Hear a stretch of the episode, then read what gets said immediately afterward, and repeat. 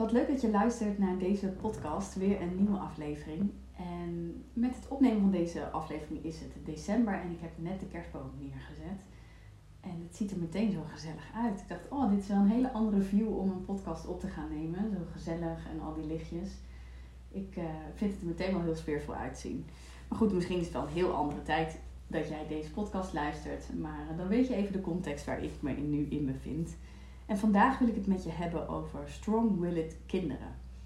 En vroeger dachten ze, of zeiden ze vooral, dat kinderen gewoon druk waren en hyper waren en uh, veel te grote mond hadden. En dat we ze vooral maar even flink moesten aanpakken. En ik was als kind ook zo'n kind. Ik wist overal een antwoord op. Ik had altijd wel een weerwoord als iets niet klopte. Ik was best wel druk. Dus ik kon, als ik heel enthousiast was, en dat heb ik nog steeds trouwens, als ik enthousiast ben, word ik heel druk.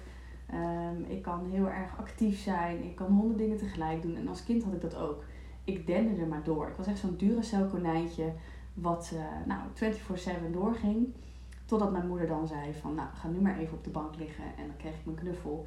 En dan ging ik uh, op de bank liggen en dan moest ik eventjes mijn motortje opladen. Want dat was de grap van de familie. Dat Irene had een motortje in de hoofd. Super liefdevol van mijn moeder gedacht om dat zo uit te leggen. Ook aan mijn broer en zus die daar nog steeds hartelijk om kunnen lachen als je luistert. Uh, ja, leuke grap weer. Nee, maar zonder dolle. Mijn moeder legde dan uit. Irene heeft een motortje in haar hoofd en die is gewoon soms heel erg druk. Die gaat maar door en die gaat maar door. En dan moet ze het motortje weer even opladen. Alsof je zo'n zo'n speelgoedkonijntje opdraait en dan kan ze weer verder. Dus die momenten van opladen, dat was voor mij echt dat ik eventjes eh, op de bank mocht, uh, mocht liggen om bij te denken. En er is veel informatie ook over HSP eh, en hooggevoeligheid, maar er is veel minder informatie over HSS, High Sensation Seekers, waar ik er ook een van ben en mijn jongste zoon uh, ook. Seb is ook echt een druk, strong-willend kind en gelukkig weten we daar nu veel meer over. Al heb ik op zijn basisschool best wel een strijd moeten leveren om duidelijk te krijgen dat hij niet gewoon lastig was, maar dat hij ehm, uh, gedrag laat zien voor een reden. En daar wil ik het juist over hebben. Wat is dan dat strong willed en wat is dat dan, dat high sensation seeking kinderen? Wat zijn de kenmerken, maar ook wat vooral, wat kan je doen om jouw uh, kindje met een sterke wil heel goed te begeleiden? Want wat is dat dan, dat strong willed? Wat ik al zei, het zijn kindjes met echt een sterke wil en ze hebben echt een innerlijk kompas. Het is niet zo dat ze bedweterig zijn of denken dat ze alles maar beter weten. Het zijn echt kinderen die intuïtief aanvoelen of iets wel of niet klopt. Ze weten veel, ze zijn slim. Uh, dus, dus het is ook zo dat ze vaak een punt hebben met wat ze vinden. Dus ze, nemen niet zomaar iets voor waar aan. Dus waar je denkt dat je ze maar eventjes met een, met een lullig smoesje uh, weg kan sturen, zo werkt het niet bij kinderen. Die blijven dan zeggen, ja maar dat klopt toch niet? Of hé, dat kan toch helemaal niet wat je zegt? Als je kijkt naar de Sinterklaastijd die we net achter de rug hebben, hoe kan het dan? Want wij hebben geen schoorsteen en je zegt dat die binnen kan komen, maar boeven niet, dus dat klopt niet. Dat is niet waar. Hebben ze dan een sleutel of hoe doen ze dat? Het zijn vaak dat soort kinderen die heel veel vragen stellen, maar ook heel veel antwoorden hebben op dingen. Het zijn kinderen die veel energie hebben, dus dat motortje wat ik al zei. Ze gaan maar door, ze zitten hoog, uh, hoog in de energie. Ze, ze kunnen alles tegelijk. Ze willen ook heel graag alles proberen. Het zijn echt kinderen die willen ervaren. Ze willen dingen snappen. Hoe zit het dan? En kan ik dat dan uitproberen? De, de kan ik zelf, dat zijn ook vaak de kinderen die, uh, die strong-willed zijn. Nou, ze zijn verbaal sterk of ze zijn fysiek sterk als ze nog niet kunnen praten. Dus al die vragen die deze kinderen in zich hebben, en vragen over hoe dingen zitten en uh, of dingen kloppen, en ze kunnen dat nog niet uitspreken, dan geeft dat frustratie. En dan is vaak het gedrag wat ze vertonen slaan of schoppen, bijten. Het zijn ook vaak de kinderen die op een kinderdagverblijf van zich afbijten. En dat is natuurlijk absoluut niet goed. Ik keur het niet goed als, als kinderen dat doen. Alleen wat je dus inderdaad ook bijvoorbeeld op een basisschool ziet of op een kinderdagverblijf, dat snel wordt gedacht dat dit dus lastige kinderen zijn. In plaats van dat er wordt gekeken van waarom doen ze dat dan. Deze kinderen zijn oprecht gefrustreerd omdat ze vinden dat er iets niet klopt Iets is niet rechtvaardig, iets, iets is anders dan hoe het hoort. Maar ze kunnen dit nog niet uitspreken of ze hebben nog niet de skills om het uit te spreken. Dus dan gaan ze slaan of schoppen of bijten. Het zijn ook kinderen die heel graag zelf willen bepalen. Ze willen zelf keuzes hebben. Dus als iets moet, dan doe ik het niet. Weet je, die, die, zin zit er bij mij nog zo in. Eh, dat had ik als kind al. Als je zei dat ik iets moest doen, nou dan, dan wilde ik het gewoon niet. En dat heb ik nu nog. Als iemand mij oplegt van, joh, maar dit moet, nou dan, dan gaan mijn haren overeind staan. Dan denk ik, ja, dat wil ik niet. Als het moet, dan doe ik het niet. Dus ze willen vooral zelf iets willen. Het zijn ook wel kinderen die heel erg enthousiast zijn. Het zijn vaak kinderen die op de voorgrond zijn. Ze, ze zijn gedreven. Ze vallen op in dat ze, dat ze dingen doen die anderen nog niet doen. Of die, die ze gaan doen uh, om uit te proberen. Of zij durven het wel. Dus het zijn ook vaak kinderen die, uh, ja, die, er, die eruit springen. Vaak zijn het ook kinderen die ongeduldig zijn. Ze hebben weinig geduld. Ook dat herken ik bij mezelf. Ze willen dingen snel. Ze willen het nu. Uh, dingen uitstellen vinden ze lastig. Uh, stoppen met iets wat ze leuk vinden. Weet je, ze zitten er helemaal in. Dan, uh, dan is dat lastig. Het, het, zijn eigenlijk wat dat betreft kinderen die in het moment leven. Dus ze willen het nu. Ze willen het nu blijven doen. Ze willen niet naar het volgende of moeten wachten. Dat vinden ze vaak heel lastig. Het zijn ook kinderen die heel erg van drukke spelletjes houden en fysiek contact nodig hebben. Dus het stoeien, de gym op school, samen ook het knuffelen, fysiek knuffelen, uh, is voor deze kinderen heel belangrijk. Niet alleen is het een uitlaatklep waarin ze hun energie kwijt kunnen, het is ook een oplaadpunt waarin ze letterlijk weer tot rust kunnen komen. En daar hebben ze fysiek contact vaak voor nodig. Nou, een, high sensation seeking kind is eigenlijk alles wat een strong-willed kind ook is. Alleen daarnaast is het ook nog eens extreem gevoelig voor prikkels. Dat is een beetje een combinatie van dus HSP en de strong-willed kind.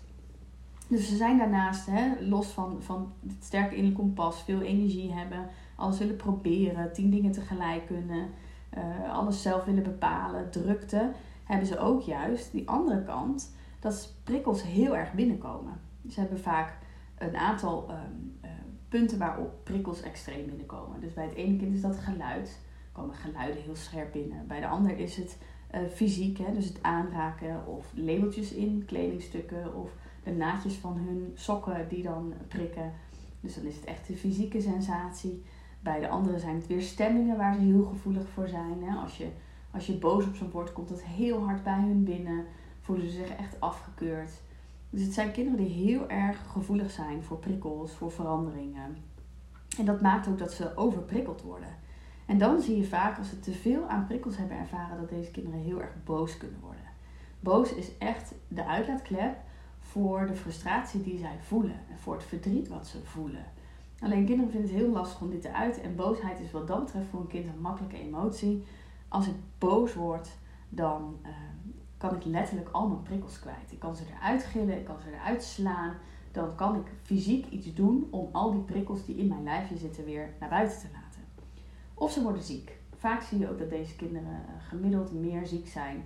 Sowieso gevoelige kinderen zijn meer ziek dan kinderen die daar minder last van hebben. Dus boosheid en ziek zijn, altijd, zijn altijd signalen van overprikkeling.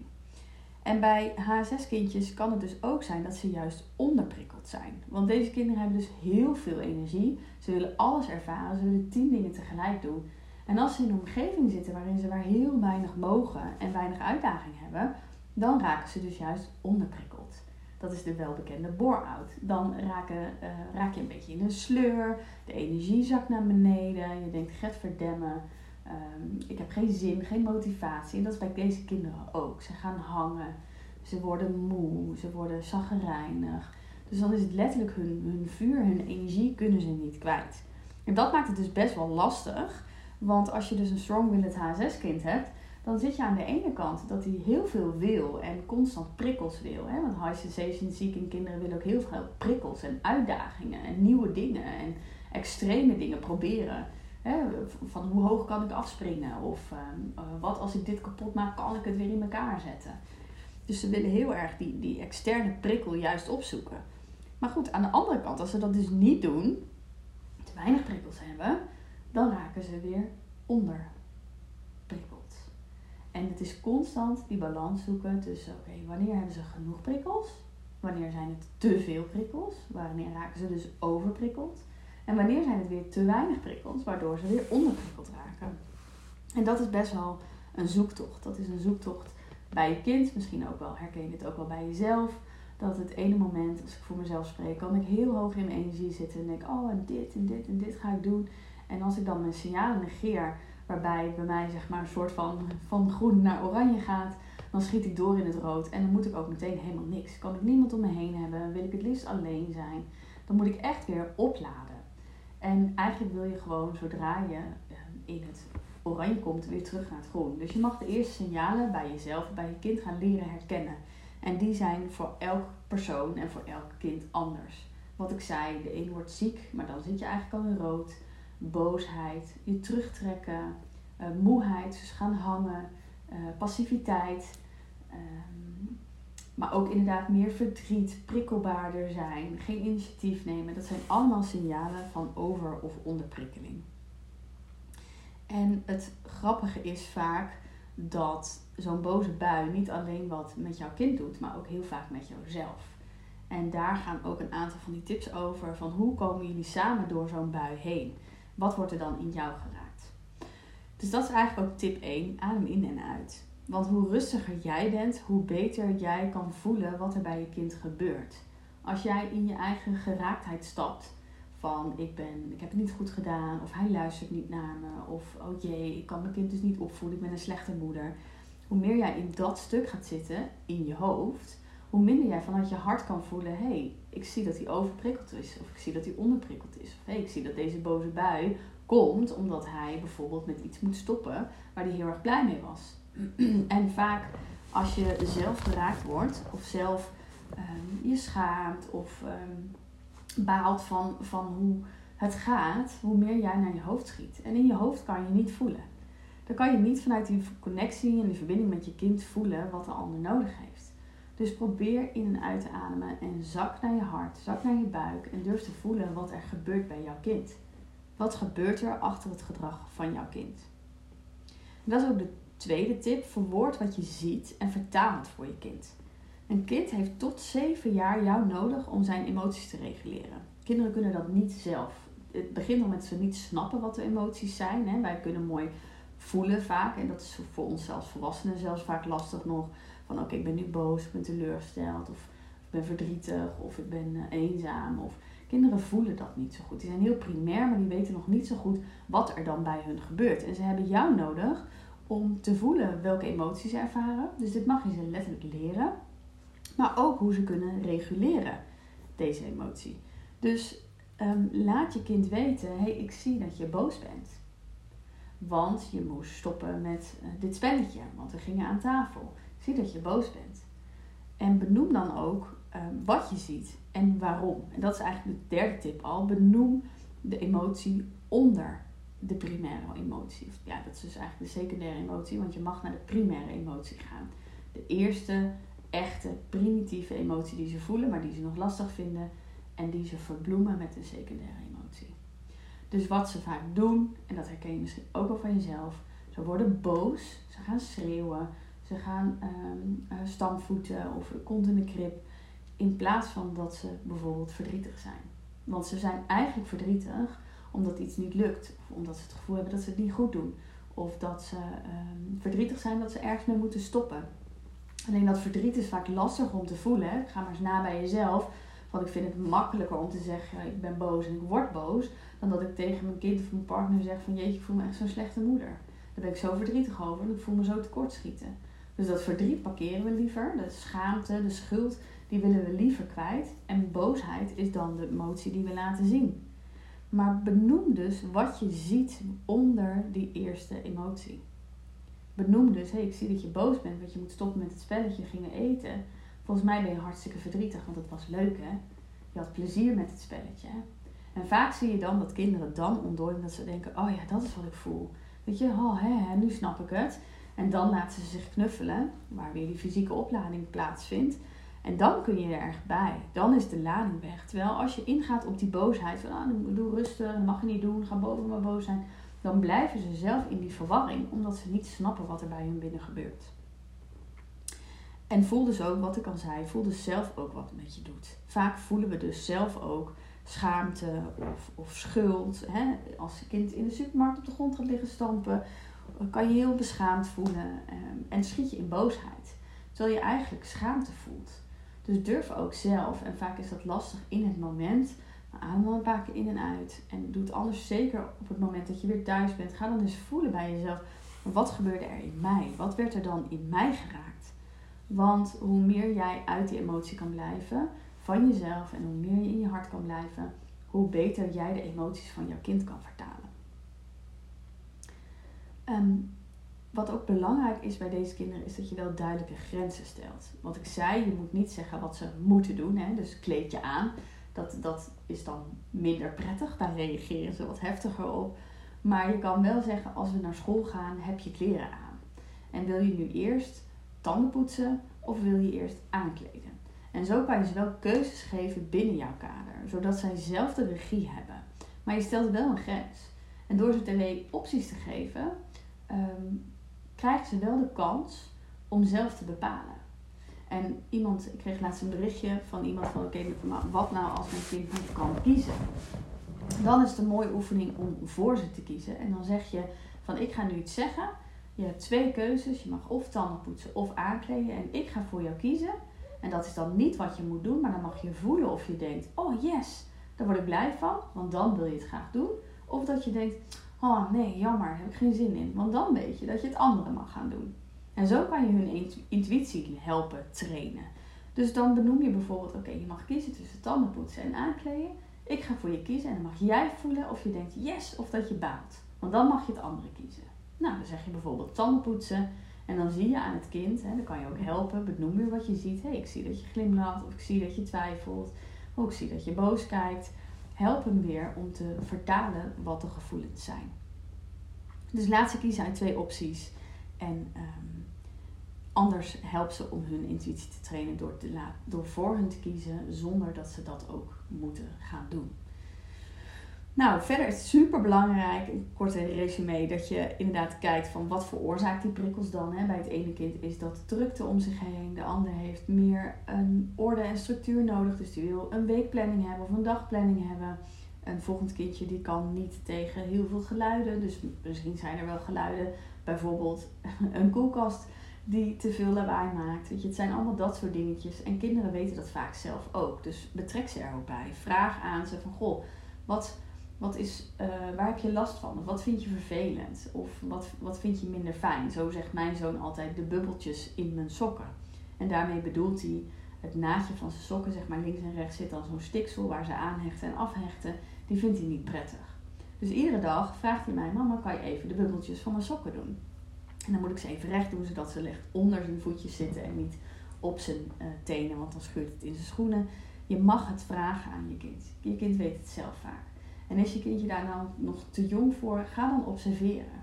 Ga eens kijken naar het gedrag van je kind voor en na iets. Dus kijk eens hoe je kind is voordat je bijvoorbeeld een supermarkt bent ingegaan en kijk dan hoe je kindje erna is. Want het kan zijn dat het heel erg overprikkeld raakt van de supermarkt of ehm, van de geluiden die er zijn. En kan je misschien leuk een koptelefoon met een leuk muziekje opzetten of kan je inderdaad een mutsje dragen zo'n wollen mutsje waarin uh, het geluid wat gedempt wordt.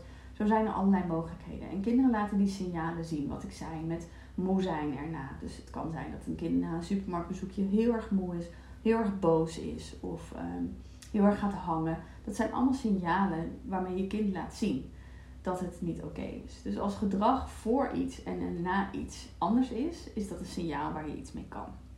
En wanneer ze dan te weinig aan prikkels, dat is dus eigenlijk hetzelfde als je kind heel erg gaat hangen en, en defensief wordt, geen zin heeft. Veel, veel kleintjes gaan dan op de grond liggen of op de bank liggen. Dan merk je dus dat het tekort aan prikkels is.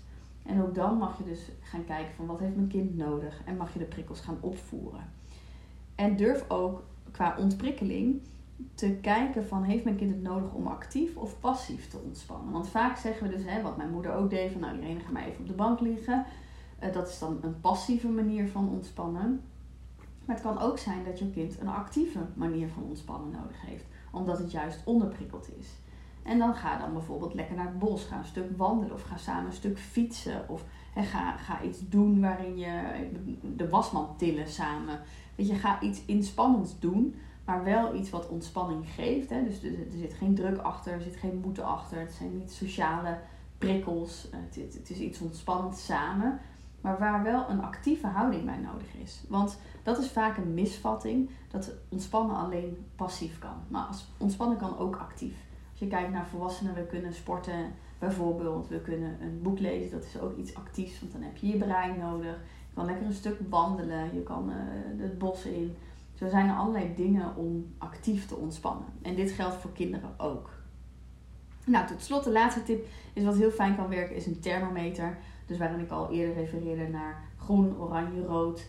Uh, hoe voel je je als je groen bent? Hoe voel je je als je oranje bent? Hoe voel je je als je rood bent? Wat doe je dan? Hè? Bij rood bijvoorbeeld, dan ga je slaan, ga je schoppen. Uh, bij groen, dan ben je blij, dan, dan speel je lekker, dan ben je aan het glimlachen. En zo kan je dus eigenlijk door het visueel te maken, en hang dat ook ergens op, kan je kind zelf aangeven, gewoon, hey, hoe voel je je nu? Nou, nu zit ik bijvoorbeeld bij oranje, of hey, nu zit ik bij rood, of nu ga ik richting rood. En daarnaast kan je dan ook opschrijven, wat heb je nodig in die momenten. Dus bijvoorbeeld als je oranje bent, nou, dan wil ik knuffelen met mama, of ehm, dan wil ik heel graag even op de bank liggen en muziekje luisteren. Zo kun je ook letterlijk daar neerzetten, wat heeft mijn kind dan nodig. En doordat het visueel is, is het makkelijker voor je kind om te gaan kijken, oké, maar waar zit ik dan nu? In plaats van dat jouw kind dat zelf intern moet gaan voelen. Wat ik zei, dat vinden kinderen echt nog onwijs lastig. En zo'n thermometer kan daarbij helpen. Dus als je ziet dat het gedrag van je kind richting oranje gaat, laat, vraag dan eens van, goh, stop eens eventjes en ga eens even mee. Waar, waar zit je nu? Hoe voel je je? En benoem dan weer wat je ziet en waarom je dat ziet. Ik hoop dat deze tips je een beetje wegwijs maken. Dat je misschien meer snapt hoe het nu werkt bij Strong Willet en High Sensation Seeking kinderen. En misschien herken je het ook wel heel erg bij jezelf. Ik heb heel lang gedacht dat dat dus eh, raar was, dat het anders was. Totdat ik erachter kwam dat dit dus ook gewoon een titel en een naam had. Waarin het heel normaal is dat je energie voor tien hebt. Dat je drie opleidingen per jaar doet. En zes boeken leest door elkaar heen. En elke dag denkt, oh nu ga ik dit doen en nu ga ik dat doen en uh, constant van hobby's wisselt, dat is helemaal oké. Dat is oké. Als je maar wel ook weet wanneer het te veel is, wanneer je weet dat het te weinig is en je omgeving leert meenemen. Als je echt vanuit je hart durft te volgen wat jij wil en wat goed is voor jou en dit ook durft uit te dragen naar je omgeving, dan gaat het een enorme transformatie geven in je leven. Want dan kun je echt leven vanuit jouw hart. En dat is ook waar ik heel erg in geloof en waar mijn 1-op-1 coachings over gaan dat je echt het leven mag gaan leiden wat bij jou past. In plaats van dat jij in je leven moet passen. En ben je nieuwsgierig naar zo'n 1 op 1 traject met mij? Kijk dan even in de show notes. Daar staan de gegevens hoe je contact met mij kan opnemen. Dan kun je ook een matchcall met mij in, um, inplannen. Dan kijken we samen of het wat voor je is. Kan ik je wat meer erover vertellen? En kijken we of we inderdaad een goede match zijn om samen te werken. Of kan ik misschien met je meekijken wat dan passend zou zijn. Let me know. En super fijn als je deze podcast weer wil delen of als je me wil volgen op Spotify. Want dit helpt mij met mijn vindbaarheid. En daarmee help jij andere moeders om ook stralend te leven vanuit hun hart.